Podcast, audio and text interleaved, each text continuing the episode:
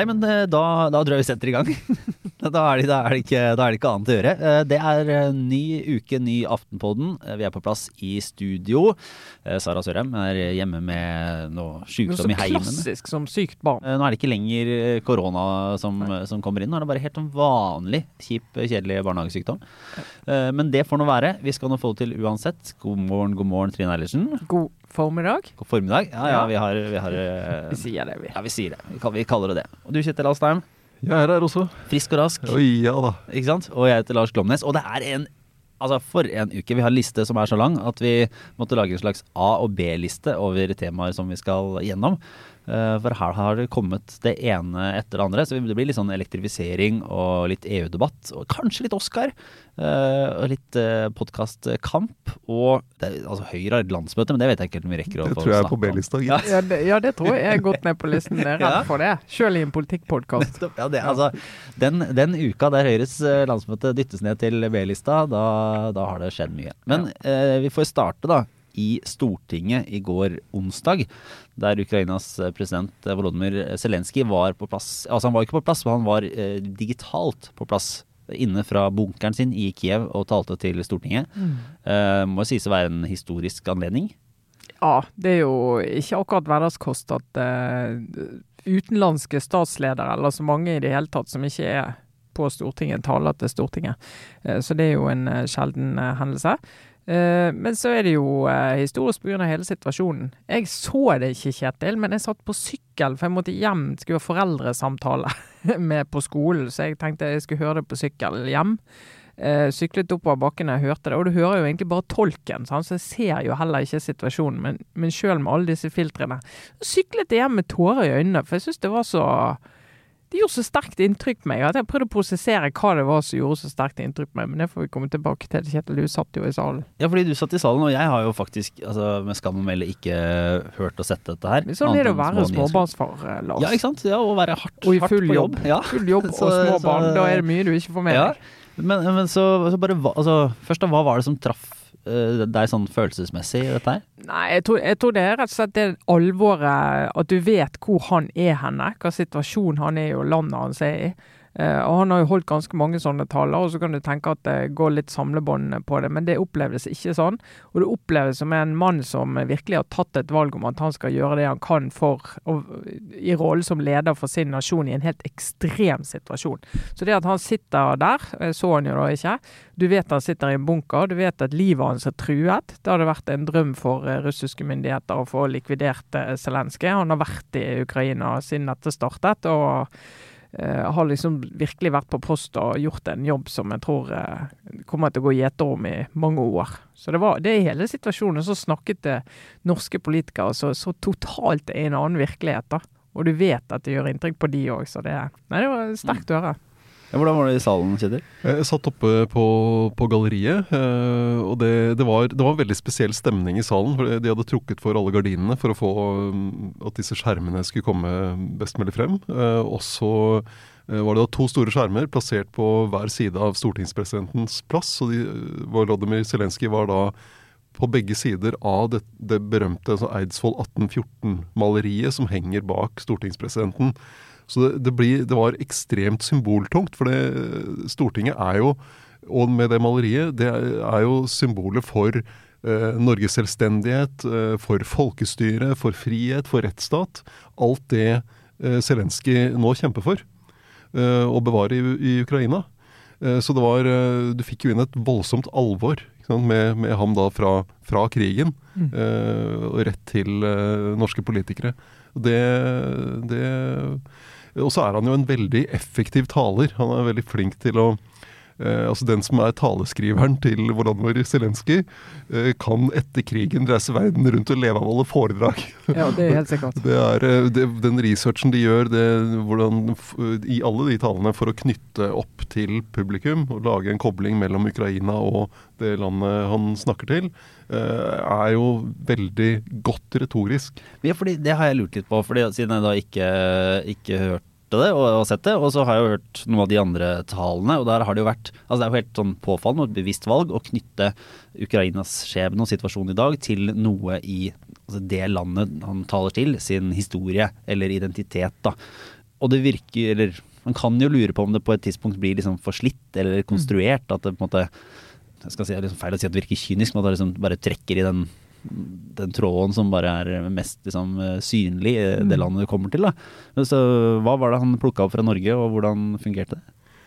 Eh, Det var flere ting, men annet én ting som fungerte veldig godt, var jo det at eh, altså Ukraina og Norge har ikke felles grense, men vi har en felles nabo. Mm. Og det er den naboen som nå har gått til invasjon av Ukraina, og, og truer eh, de verdiene Ukraina har, og de verdiene Norge har. Eh, og så var han jo eh, innom eh, altså vik, Dro jo tilbake til vikingtiden og forbindelser til Gardariket den gang. Og, og det var jo 17. mai-tog. Han ville jo ha barnetog i, i Ukraina når, eh, når krigen er over og friheten er tilbake. Så det, han, eh, det er klart det, han, han trykket på mange, mange sånne punkter som eh, skapte følelser i salen. Og han kan gjøre det fordi han er i den situasjonen Mm. han er i. Det er alvor. Ja, for, ja, og det er så veldig konkret for han når han snakket om eh, miner og Svartehavet. Eh, og dro parallell til eh, Norges lange kystlinje og miner og fjorder og båter. Eh, fiendtlige skip eh, opp langs vår kyst. Sånn at han, han spiller jo på referanser som vi har i vår egen debatt. Så det er jo en god eh, research som ligger bak eh, denne talen. Og det med 17. mai-tog var jo veldig rørende. For det han sier da, at i årets 17. mai-tog så kommer det jo til å være ukrainske barn som skal være med i det toget der. Og så håper vi en dag å kunne få lov å invitere til en lignende tog i Ukraina, der dere kanskje vil være gjester. sant? Det, Det, det er jo helt sånn, det hugger i hjertet. Både pga. de eh, barna som eh, da er nødt til å gå eh, i 17. mai-tog her, selv om de aller helst skulle vært et helt annet sted. Og fordi at du ser at akkurat nå så er det helt utenkelig at de skal ha en sånn feiring. da. Eh, Sånn at det, han, han Ja, sånn taleteknisk. Jeg tror mange kan eh, gå gjennom de talene og se. altså Kall det kynisk, kall det strategisk, kall det Men det er jo effektivt. Eh, og det er jo en tale som gjør jobben talen skal gjøre, nemlig å treffe det publikummet, få publikum til å kjenne seg igjen i hans situasjon, og se at vi har mye til felles. Eh, vi må hjelpe, og det er jo det han vil. Men eh, det var jo noen konkrete oppfordringer til Norge der også. Blant annet ønske om altså, mer våpen, vel økonomisk støtte, og ikke minst at Norge skulle i større grad stenge havnene sine for russiske skip. Mm. og så var jo Jonas Gahr Støre sånn relativt raskt ut i etterkant. eh, og hva skal jeg si, jeg skal ikke si han klubba det ned, men i hvert fall liksom modererte og sa at det er, det er liksom ikke Det er ikke sikkert vi kan gjennomføre alt dette her. Eh, hvordan ble det mottatt? Eh, altså det, det med mer våpen, der var det jo, kom det jo en nyhet allerede før talen om at Norge sender 2000 til av disse panservern, håndholdte panservernvåpnene til Ukraina. Eller har gjort det allerede, for du må jo få dem trygt frem før du forteller at du har gjort det. eh, Sånn at det ikke skal bli så lett for, eh, for Russland å, å prøve å, å ta det ut. Og så er jo et spørsmål om altså hva har Norge av mulige våpen å gi bort? Hva har vi liksom på lager eh, til overs som, kan, som er lett å bruke eh, for, eh, for Ukraina? Og Der er det jo en bred støtte på Stortinget for at Norge skal bidra med våpen. Det er, det er Rødt som er imot, og så er det SV som er imot, bortsett fra at Audun Lysbakken Egentlig er for.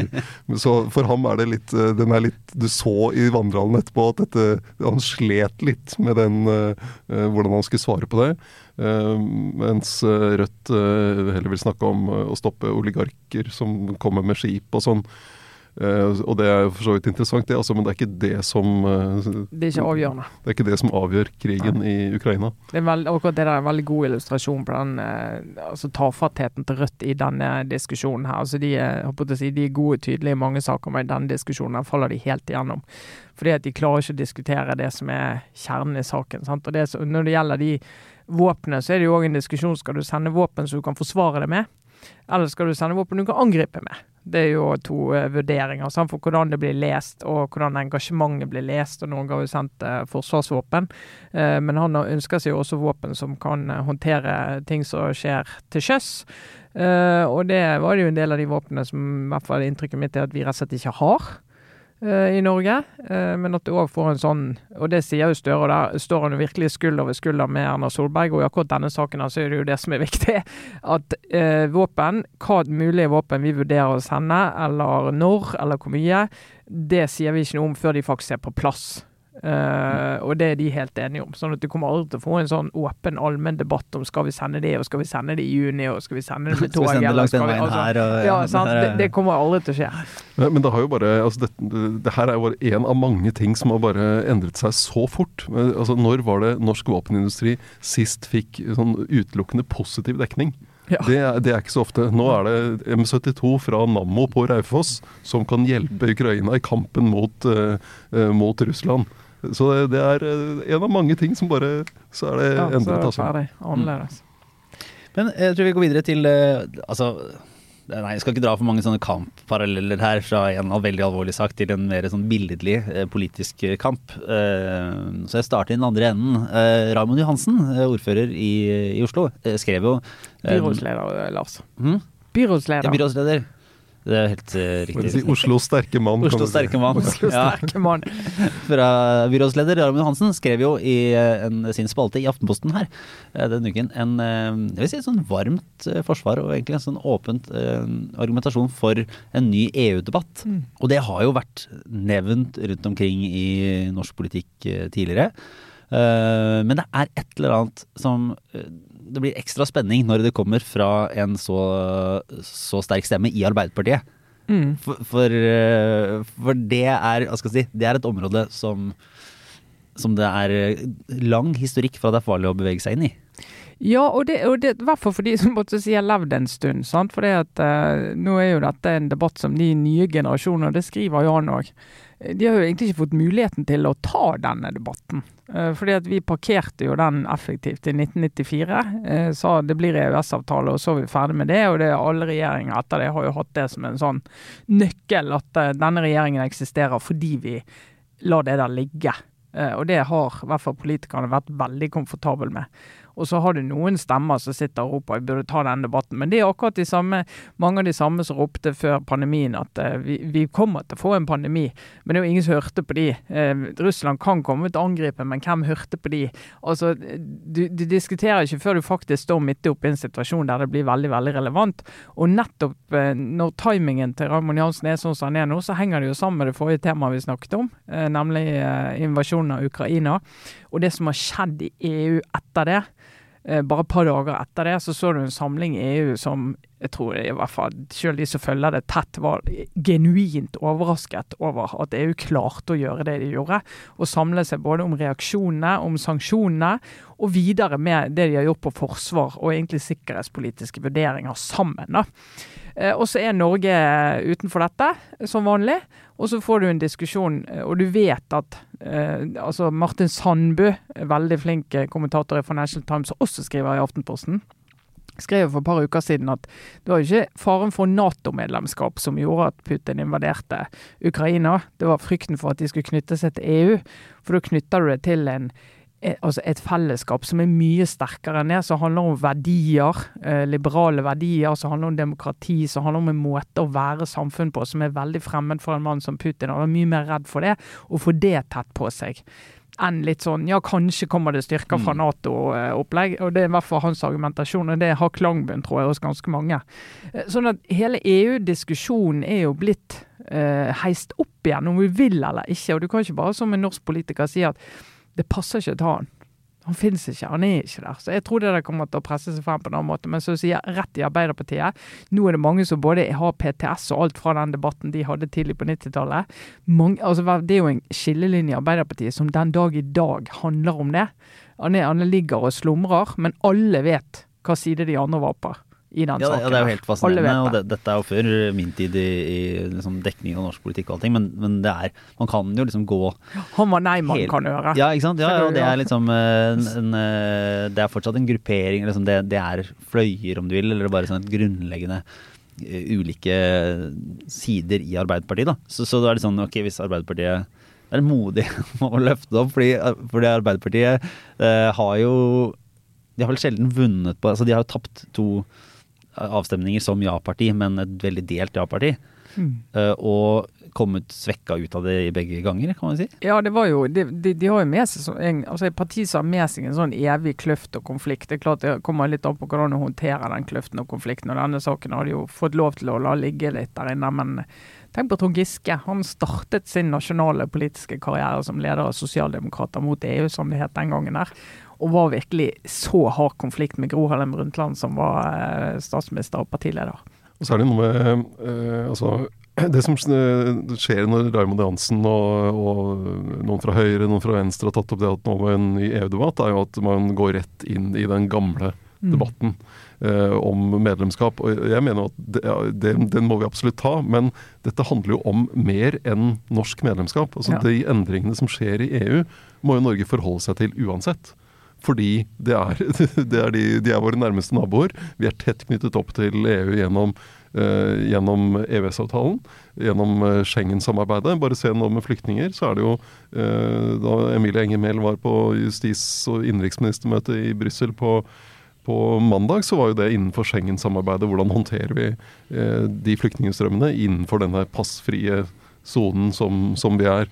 Eh, og når EU da tar store skritt på eh, sånn som de har gjort etter pandemihåndteringen, Eh, på klimafeltet, eh, nå som følge av krigen i Ukraina, så får det konsekvenser for Norge. Og det må også, selv om man er mot EU-medlemskap, mm. så må man ta en diskusjon. Ja, hva betyr dette for Norge? Mm. Hvordan ivaretar vi norske interesser? når EU forandrer seg på den måten. Men er det ikke bare tillatt å være litt sånn på den indre politikken, da. Mm. Så er det jo Altså hvis Arbeiderpartiet skulle, skulle, gå inn for en ny EU-debatt, og vel antageligvis vet ikke, fortsatt kanskje ender opp som et ja-parti, så vil det være en enorm eh, altså Det ville jo på en måte sprukket denne regjeringen. Mm. Vil ikke det? Senterpartiet vil jo ikke ha flytta seg Dette til EU-positiv retning, så det vil jo et samarbeid der. Det er den ene regjeringspartiet Ja, det går de ut. Altså, det, går de ut, ja, ja, ut. Eh, og SV er jo fortsatt tydelig negativt, selv om det jo sikkert er interessante stemmer der også som vil ha en mer Altså føyer seg til liksom den venstresiden i Europa som er eh, for et liksom bredt Europa og, og mer internasjonalt samarbeid også innenfor EU. Men det er jo ikke så veldig mange samarbeidspartnere mm. hvis, hvis, vi får en opprivende EU-debatt. Nei, altså, det tror, jeg tror det har vært litt av grunnen til at vi ikke For som Kjetil sier, det finnes jo en skala her. Medlemskapsdebatt er ute i den ene ekstremen. Og så har du den andre ekstremen, der vi egentlig har vært nå i 30 år. Vi har ikke diskutert det. Eh, vi var innom forrige uke endringen i utredningsinstruksen, eh, som bl.a. er et svar på at eh, nei, vi har sittet her og bare bestemt oss for litt sånn tverrpolitisk at nei, vi får ta det som kommer og håpe på det beste. Så kom bl.a. Nav-skandalen, som viste at her gjøres det jo ikke noe forarbeid før vi tar imot ganske store endringer som slår inn i norsk politikk og forvaltning og lov. Uh, og det gikk ikke særlig bra. Kanskje vi skulle prøve å hvert fall komme inn litt tidligere i prosess. Hvis du, hvis du, er medlem, så er du jo tidlig i prosess, men når du ikke er medlem, så må du være mer aktiv og gå inn i det. Og den aktiviteten har jo omtrent ikke eksistert, og det er jo stor risiko knyttet til det, som vi nå har fått bevis på i løpet av, gjennom den saken og ganske mange andre saker. Sånn. Vi står liksom her, det kommer et direktiv, og så begynner vi å snakke om vetorett. Skal vi bruke vetorett eller ikke? Bare det at det er tre år for seint. I alle de sakene er det altfor seint. Du må inn tidligere. Og da ene måten er da å si nei, nå skal vi bli medlem. Andre måten er å si kan vi jobbe med dette på en annen måte som gjør at vi får å undersøke hvor mye innflytelse kan vi få. Uh, og, ikke, og ikke, liksom smalne det inn sånn som vi har gjort. da. Så det er ikke sikkert at liksom i medlemskapsdebatt så er det første og det riktige. Men at det må være ett av alternativene, ett av svarene på den situasjonen. Og det at EU har endret seg sånn som det har gjort, det syns jeg er ganske åpenbart at du må ha et åpent sinn til. Ikke sikkert det lander på det svaret, men du må iallfall diskutere det på en annen måte enn det vi har gjort. Og bare si sånn Nei, nå er det for ekstrem situasjon. Det er litt ufint å ta opp den saken. Det mener jeg er helt useriøst. Du må jo forholde deg til verden sånn som er, verden er og forandrer seg. Og som jeg kommer til å si i ti år til nå, det som skjedde 24.2, det forandrer alt. Fridtjof Jacobsen, politisk redaktør i Dagens Næringsliv, var i Dagsnytt 18 her i, i, forrige uke og sa, sa vel sånn som, uh, som EU-tilhenger, som jeg tolka at den debatten Ja, vi bør ta den debatten, men den må tas på riktig tidspunkt når den kan, altså, når den kan vinnes. da, I, i den forstand at når eh, om medlemskap, at, at, det vil være når Norge kan eh, faktisk ville gå inn. At det liksom et nytt tap ville være Altså et nytt nei for, ville vært ville vært vanskelig, da, og sånn sett må være taktisk, er bare sånn, Deres tanke på sånn tidsperspektiv på det nå, er det sånn at det faktisk kunne endt opp med en folkeavstemning i Norge der man fikk et ja til EU nå? Eller i løpet av neste tre-fire åra? I fjor hadde vi ikke fått det, for å si det sånn. Det er Nei. helt sikkert. Altså hvis, hvis, du ser på målingene, så er det jo et klart flertall mot. Eh, Så, så det Du har jo ikke noe Og du har partiene er ikke klare. De har ikke tatt den debatten, bortsett fra Venstre, da, som ble et ja-parti her for eh, Når var det, var det i fjor? Eh, Så har jo ikke de andre partiene tatt den debatten. Erna Solberg sa jo at eh, en ny EU-debatt det er liksom mange år frem. Nå snakker Høyre om at man må ta en EU-debatt. Arbeiderpartiet har tatt eh, EU-standpunktet ut av programmet. Sånn at Norge er ikke klar for å gå til noen, noen folkeavstemning nå. Men den debatten tror jeg vil tvinge seg frem på ulikt vis i, i forskjellige partier. Og så, så må man se bare hvor det bærer hen. Det vil jo ha veldig stor betydning hva andre gjør også. Hva gjør Island? Eh, kommer islendingene til å melde seg inn? Det har vært mm, spekulasjoner frem og tilbake før også. Eh, hva gjør Sveits? De har hatt et sånn lappverk av avtaler med EU. EU er møkk lei av det. De vil ha mer orden på forholdet til Sveits. Nå har det sveitsiske parlamentet bedt regjeringen utrede kan EØS-avtalen være noe for oss. Hva betyr det for Norge i så fall? Ja, og Sveits ble jo faktisk med på sanksjonene på en måte som aldri har skjedd før. Så Sveits er jo i bevegelse nå. sant? Så det skjer ikke, det blir ikke folkeavstemning i år. Nettopp. Ja, men okay, da, kan vi, da kan vi ta det ut av årshjulet vårt, uh, og, så, og så ser vi videre. Det som uh, bare en, nok en interessant debatt som var denne uka her, var jo i forbindelse med landsstyremøtet til Senterpartiet.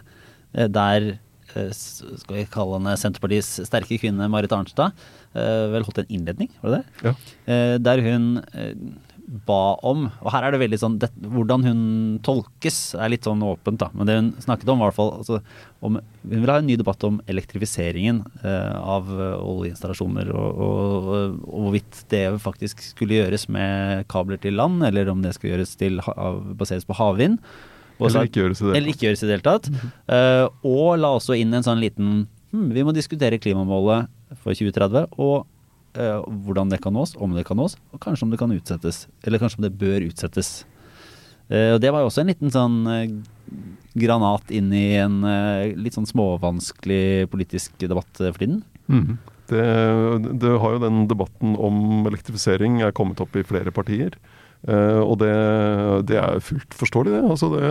Hvis du skal elektrifisere veldig mye på sokkelen, så vil det kreve mye kraft. Og det, det skaper jo uro. Hvis vi bare tar den eh, ti sekunders oppsummeringen av hva dette er, Kjetil. Elektrifisering er at uh, altså på, ute på sokkelen nå, på olje- og gassinstallasjonene, så, driv, så skaffer det strøm til å drive det, uh, kraft, ved å brenne gass.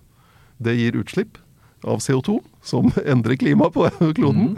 Og Så hvis du skal fjerne de utslippene, så kan du legge en eh, skjøteledning fra land og ut til sokkelen, og så, så slipper du å brenne gass. Det har man gjort på Johan Sverdrup-feltet, bl.a.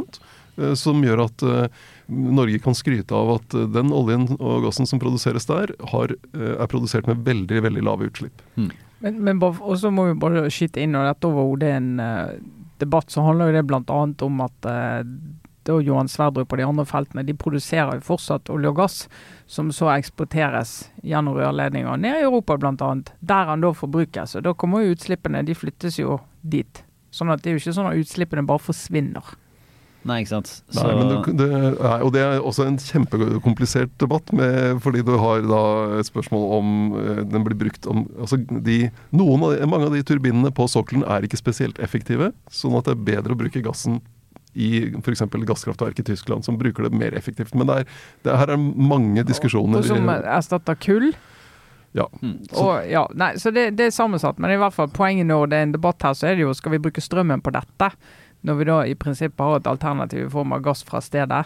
Eller skal du bruke strømmen på, eh, på fastlandet, der du trenger det til industri og til oppvarming og til å lade elbiler og alt sånt. Ikke, og blant annet så ikke prisene blir så sinnssykt ja, for ideen her For det det jo er vært knaggen her. Ja, ikke sant? Og, og det, tidligere så var det sånn vi har masse billig strøm, hva skal vi bruke den til? Vi kan Ja, bruke kan den til å den til det. kompensere. Ja. Ja.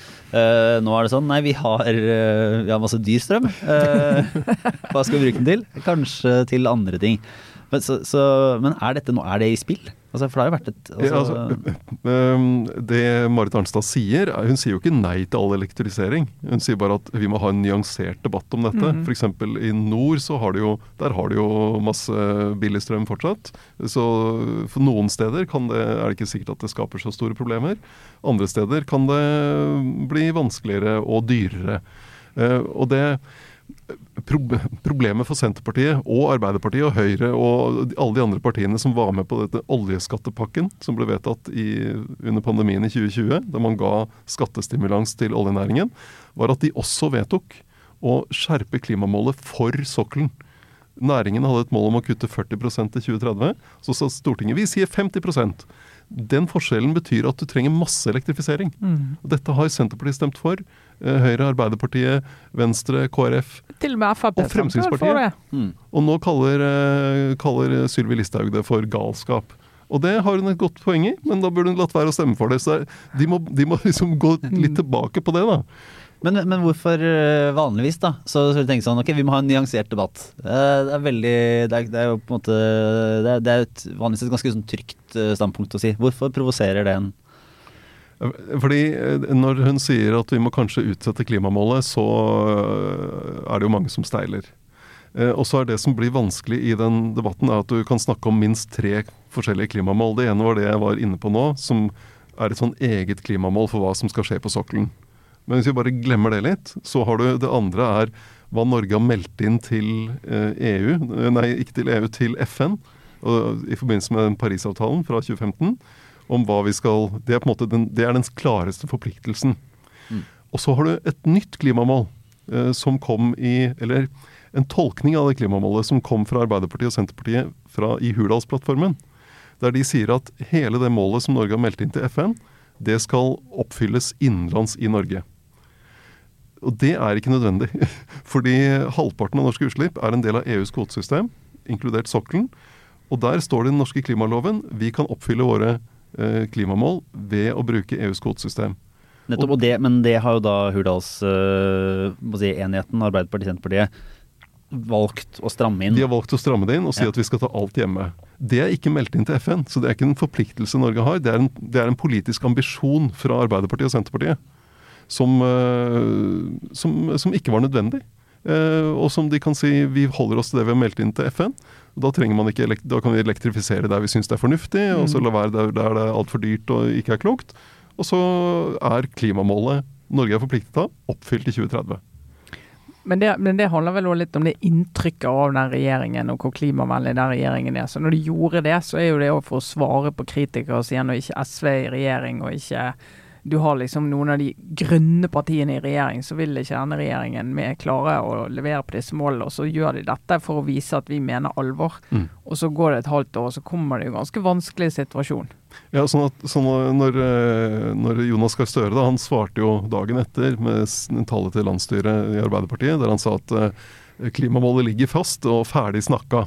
Men det er han jo ikke. fordi ja. også han må finne ut hvordan de skal nå det målet. Eh, og det, det, er, eh, det er litt De trenger den debatten som Marit Arnstad ber om. Nettopp, ja.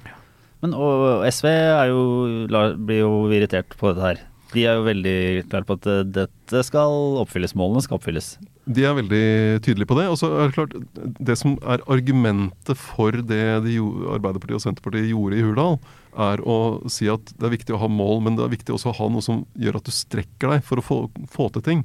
Uh, og, og det du får nå, er jo en diskusjon kan du løse dette på andre måter. Kan du få fremskyndet havvind og knytte havvindproduksjon til, til plattformen og bruke det for å elektrifisere?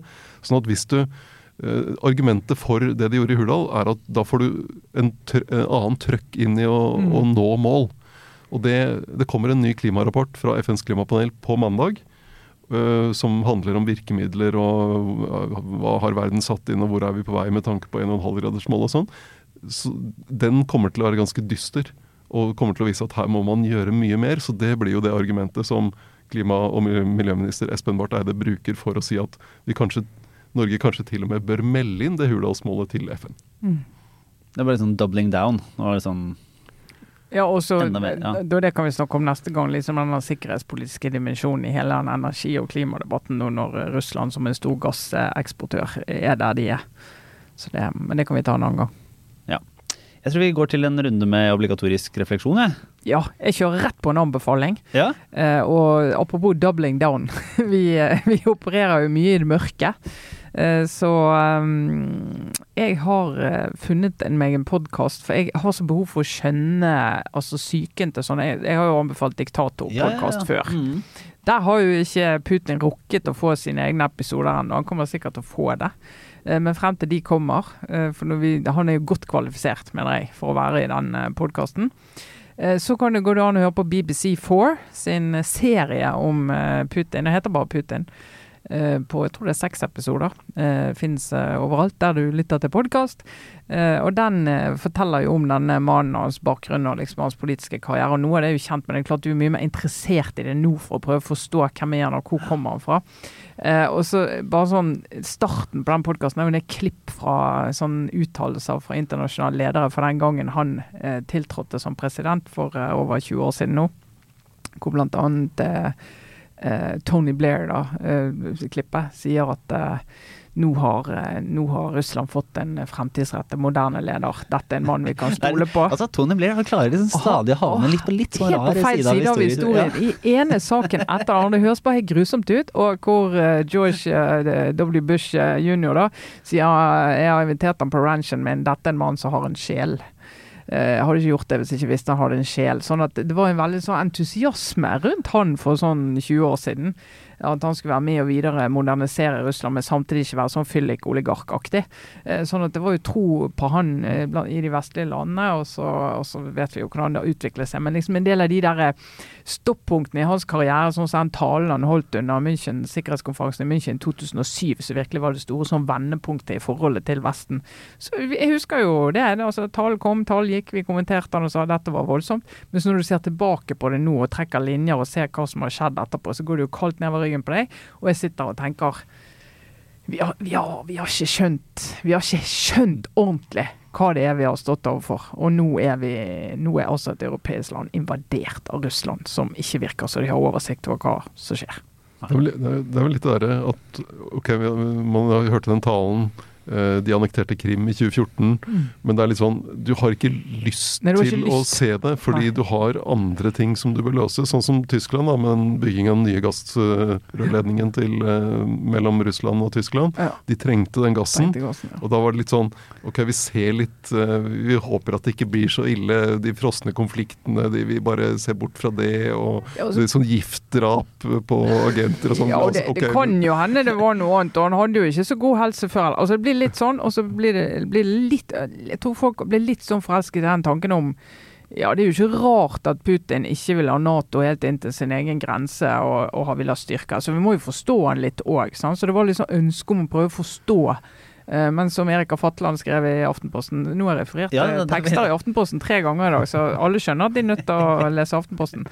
Eh, altså, Russland har 15 naboland, har invadert, har invadert 14 av de. Angrepet 14 av de. Eh, Norge er det eneste som de ikke har angrepet, så eh, men- men jeg vet ikke ja. hvor, hvor eh, trusselen kommer fra. Si det. Nei. Og så har det vel vært, altså Man kommer med sanksjoner etter eh, Krim-annekteringen, men det har vært også det håpet om at hvis man opprettholder kontakten, bygger økonomiske relasjoner, Ja, og sånn, så, vil det. Ja. så vil det liksom bidra til et bedre forhold. Og jeg tror alle vi har trodd at Russland er for avhengig av relasjonene til de andre landene til å gjøre dette. Men det som Russland har opplevd, er jo sånn som de sanksjonene blir jo tullesanksjoner. Sant? Det er papirsanksjoner. Du har sånn her en liste med oligarker som ikke får lov å investere og gjøre transaksjoner sånn og sånn. Litt kjedelig for de, for de må da opprette to-tre skallselskaper, så de må gjøre det via og gjennom. Eh, Og litt sånn eh, skatteparadis og sånn. Men det går jo greit. Det går jo greit for de. Sånn at det har ikke hatt noen effekt, de forrige sanksjonene. da. Jeg kan bare slenge på en liten uh, anbefaling. Det var en, uh, altså en Ezra Klein-podkasten til New York Times. Hadde en uh, lang og interessant prat med han Timothy Snyder, mm Mhm. som har, er historiker, som også har skrevet seks bøker eller noe sånt om Ukraina. Som går liksom inn i litt den der mentaliteten Mm. både til egentlig Putin og, og den tankegangen og spørsmålet om en sånn rasjonalitet som man har tenkt på i Vesten. At bare, Mm. det, er, det, er liksom, det er ulike måter å se verden på, Ja. og det er veldig vanskelig å ta inn over seg. Som en uh, liten, bare et lite påheng Mm. i den der. Uh, min, min, uh, min OR er, er veldig mye mindre. Du, du lever jo det lille livet nå, Ja, jeg lever det lille livet. Det er veldig viktig, det òg.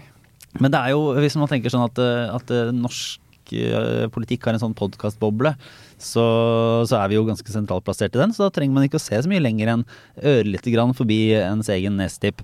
Eh, og da har jeg jo latt meg fascinere da, siden sist av en, eh, en eh, historie der altså, som dreier seg om to podkaster. En er Arbeiderpartiets Partipressa, en, der de snakker om altså politikere fra Stortinget i Arbeiderpartiet snakker om aktuelle ting. Eh, og i det andre hjørnet så står da Harald Eia fra podkasten uh, Tore og Haralds podkast. som for øvrig er en sånn Podme-podkast. Bare aksepter dette uten at det er en form for eh, direkte reklame, for det er fascinerende. Harald Eia har da stått fram i løpet av de siste ukene som en sånn hva skal man si, litt sånn motvillig sjarmert Arbeiderparti-velger. Som, som, eh, som har vært provosert av denne podkasten fordi han syns den har vært for harselerende, liksom sarkastisk, ikke faktisk snakka om politikk på en god nok måte. Mm. Og i kjølvannet av det så ble Harald Eia da invitert inn i partipressa for å snakke om dette, snakke om aktuelle ting. eh, Der han da fikk liksom ha med seg en, eh, en sak inn. Det han tok med seg, var jo da denne Trond Giske-filmen. Aktualisert av det, og ville snakke om metoo i Arbeiderpartiet, som han syntes var interessant. Kutte litt i, det fort spoler spole litt fram i historien. Han ville egentlig ha klipp av denne seansen eh, fra Arbeiderpartiet. Fikk verken klipp eller høre seansen på podkasten, for de bare tok bort alt sammen. Og der er det litt sånn moderne medievirkeligheten, da. Der man tidligere kanskje kunne si at ja, men vi vil ikke ha med dette i podkasten vår, så får ingen vite det. Mm. Problemet med å på en måte yppe litt sånn med en Som har en egen podkast. podcast, er jo at Harald Eia selvfølgelig forteller denne historien Ja. om hvordan han oppfatter Arbeiderpartiet som fortsatt redd for å ta metoo-sakene inn over seg, fortsatt redd for å snakke om problemene i partiet og i, i håndteringen av Giske-sakene, hvor vanskelig det har vært å være en varsler, allting. Og, og enten det var tilsikta eller ikke, så blir i hvert fall Arbeiderpartiet ender opp med å framstå som enda mer redd for å diskutere dette her ved å klippe ut dette, Mm. enn de hadde vært ved å ha det inne, antar jeg. for Ja, og bare ta det. ja, for liksom dokumentert det. Men det er i hvert fall den er, eh, det er en interessant liten uh, seanse, syns jeg, i Tore og Haralds uh, podkast, der eh, han også peker på noen sånne skal være litt slemme, skal si sånn trekk ved Arbeiderpartiet. Mm. Uh, I hvordan de både har en sånn Ser vi mangler litt sånn selvironi uh, i noen sånne situasjoner, og evne til å se partiet sitt utenfra, da. Eh, Ja, og det, og det er sånn- så det er, For det, dette er jo stortingsrestauranten som Høyre, Tina Bru og Henrik Asheim og PC Frølik har laget. De har holdt på i noen år nå, den funker godt, syns jeg. Fordi at de greier både å, å kommentere politikk og de, de, de klarte ikke å opprettholde da to av de var statsråder, og det kan man jo forstå. Eh, Men når de ikke er det, så er de nå der inne og, og prøver å se Prøver i hvert fall å se litt svakheter med sin egen posisjon, og prøver å analysere politikk og prøver å forklare, men også være veldig åpen om at dette er kanskje ikke vi de rette til å se. Altså det, og så raljere litt med seg sjøl. Den partipressa, jeg bare hørte to episoder og tenkte vet du, enten må dere legge det ned, eller så må dere bare skifte helt strategi. For det funker ikke, for det er ikke ærlig. For jeg vet jo at det sitter folk i partiet som analyserer dette like skarpt som alle andre gjør. De kan se liksom her er Høyre dyktig, her treffer Venstre et poeng, her er vi, eh, har vi et budskap som vi ikke klarer å få igjennom fordi vi ikke klarer å sette ord på det. Det vet jeg jo at de sitter og snakker om, men de klarer ikke å si det i den podkasten. For da blir det bare sånn Nei, alle motstandere er idioter. Ja, ja, eller det er Eh, Jeg der, skjønner så- ikke ja. hvorfor folk stemmer på Rødt. Ja, Men vet du, hvis du oppriktig ikke skjønner det, da må du gjøre en jobb. Jeg synes, eh, den siste episoden, altså, jeg har tenkt at eh, Jeg er helt enig med analysen. Jeg har tenkt at ok, de, de trenger litt tid, men de må, de må for å bli varme i trøya, men de, nå må de få litt orden på greiene sine. Et eksempel på dette var den siste episoden, der de var innom dette skal det være en ny EU-debatt. Og sitter Cecilie Myrseth og Mani Hussaini og bare raljerer med øh, hvor teite Høyre og Venstre og Europabevegelsen er fordi de vil snakke om EU nå. Uh, og så kommer uh, Åsmund Aukrust. Han sitter i utenriks- og forsvarskomiteen. Og så prøver han å litt, ha en litt mer nyansert tilnærming ved å si at nå skjer det jo veldig store endringer i Europa, så her er det mye vi må snakke om. Og så har han ingenting å si. Han snakker ikke om det. Nei, for han har, han har ikke noe å Da snakke har om. han ingenting Han sier at her er det masse å snakke om, og så snakker han ikke om det. det da skjønner jeg ikke hva er vitsen med podkasten. Og uka etter så kommer Raymond Johansen og ber om en ny EU-debatt. To, to, dager dager etter så kommer Raymond Og, Johansen og, og, da ber om blir en den debatt. store testen. Klarer de da å ta opp igjen tråden i denne uken og på en måte diskutere det på nytt, eller bare legger de det vekk og sier nei, det der ble, nei nå ble det komplisert. Ja, og du kan, altså, vi får jo eh, vi får si at dette her er konstruktiv kritikk uh, uttrykt med liksom håp om en relevant eh, Vi ønsker oss denne podkasten, Ja. det kan vi si. For jeg syns det er utrolig bra at politikere kan løfte på lokket og vise litt av hvordan de tenker, uten at det skal brukes mot de hele tiden. Så er Arbeiderpartiet et parti der de sjøl, og det sa de jo i den podkasten med, med um, Eia òg, altså det er, det er masse Altså ikke fraksjoner, men det er jo en samling av standpunkt og meninger. og Sånn har det alltid vært. Sånn at de må balansere kanskje enda mer enn mange andre partier for at ikke det skal smelle rundt dem. Men i denne nye virkeligheten så må Arbeiderpartiet trene seg i å ha de åpne debattene og tenke at det er ikke nødvendigvis en svakhet, kan være en styrke òg. Hvordan Åssen er det med deg, Kjetil? En liten anbefaling. Ja. kino. Gå på kino og se Pedro Almodovars eh, parallelle mødre. Uh, han er eh, eh, den, Jeg fikk lyst til å se alle Almodovar-filmene en gang til på nytt. Han, er, han har eh, en rammefortelling her som går, trekker inn liksom, traumene etter borgerkrigen på 30-tallet. Eh, eh, og det, det er jo i seg selv interessant nå, tenke på hvor, hvor lenge den type opplevelser i et land sitter i, altså følger generasjoner etterpå. Men så er kjernen i, i det en sånn historie om to, to kvinner som møtes på en fødeavdeling. Eh, ganske stort aldersspenn, eh, og får hvert sitt barn. Og så skjer det ting på den fødeavdelingen som eh, får konsekvenser senere i, i historien. Men altså, Pedro Almodovar og hans kvinneroller er jo bare Han er, han er så utrolig god på det. Veldig verdt å se. Og Penelope Cruz i hovedrollen er, eh, må man få med seg. Hun var jo også nominert da, til eh, Oscar for den, den rollen. Nå, det fikk hun ikke, men eh, Men det var det jo en annen som fikk. det var Ja, ja, en annen som fikk Oscar, men ikke i den kategorien. den kategorien. Hun kan jo trøste seg med, da, hvis vi bare har eh, tre minutter her på slutten, eh, til at det er ingen som husker hvem som fikk de andre prisene. Fordi Will Smith jo klarte å stjele hele showet på stort sett på vondt, vil jeg si. Ja, det vil jeg si. Og ikke minst med takk på at han faktisk fikk en Oscar. Ja, altså, det, Så han er, klarte å overdøve det òg. er siden, siden det er eh, bort i den lysere, altså stort sett lysere i, krigsperspektivet enden av skalaen denne uka. Vi må ha en sånn eh, en kort dom over den eh, seansen der. Er det, var, han, er, var Will Smith en, på en måte en, en helt som sto opp for sin kone og tok affære og satte på plass en mobber, eller var det noe annet? Nei, det her, det, her, er- det her er usivilisert. Dette er starten på det som til slutt ender med krig. Det går ikke an å gå bort og dra til folk på den måten der, på det grunnlaget der. Dessuten tror jeg hans kone er fullstendig i stand til å forsvare seg sjøl verbalt, som hun eventuelt burde ha gjort, kunne ha gjort. Eh, hun trenger ikke en mann som går bort helt sånn, skal liksom bare skal slå ned for å forsvare sin kone. Nei, vet du, han bør ikke få lov å komme neste år. Gratulerer en pris, bør ikke få lov å komme neste år. Sånn går ikke an å oppføre seg. men, eh, tenker du at han eh, burde beholde prisen sin? Ja, det tenker jeg, for det handler om noe annet, da. Det handler jo om en annen prestasjon, og der er vi jo inne i sånn kunstneren og verket. Ja. Så han må, han må straffes for det konkrete han gjorde, men ikke, ikke hele altså, og Jeg syns heller ikke skal kansellere hele fyren for resten av livet, men du må, du må slå ned på de konkrete hendelsene når folk eh, krysser grenser, og det gjorde han med god margin.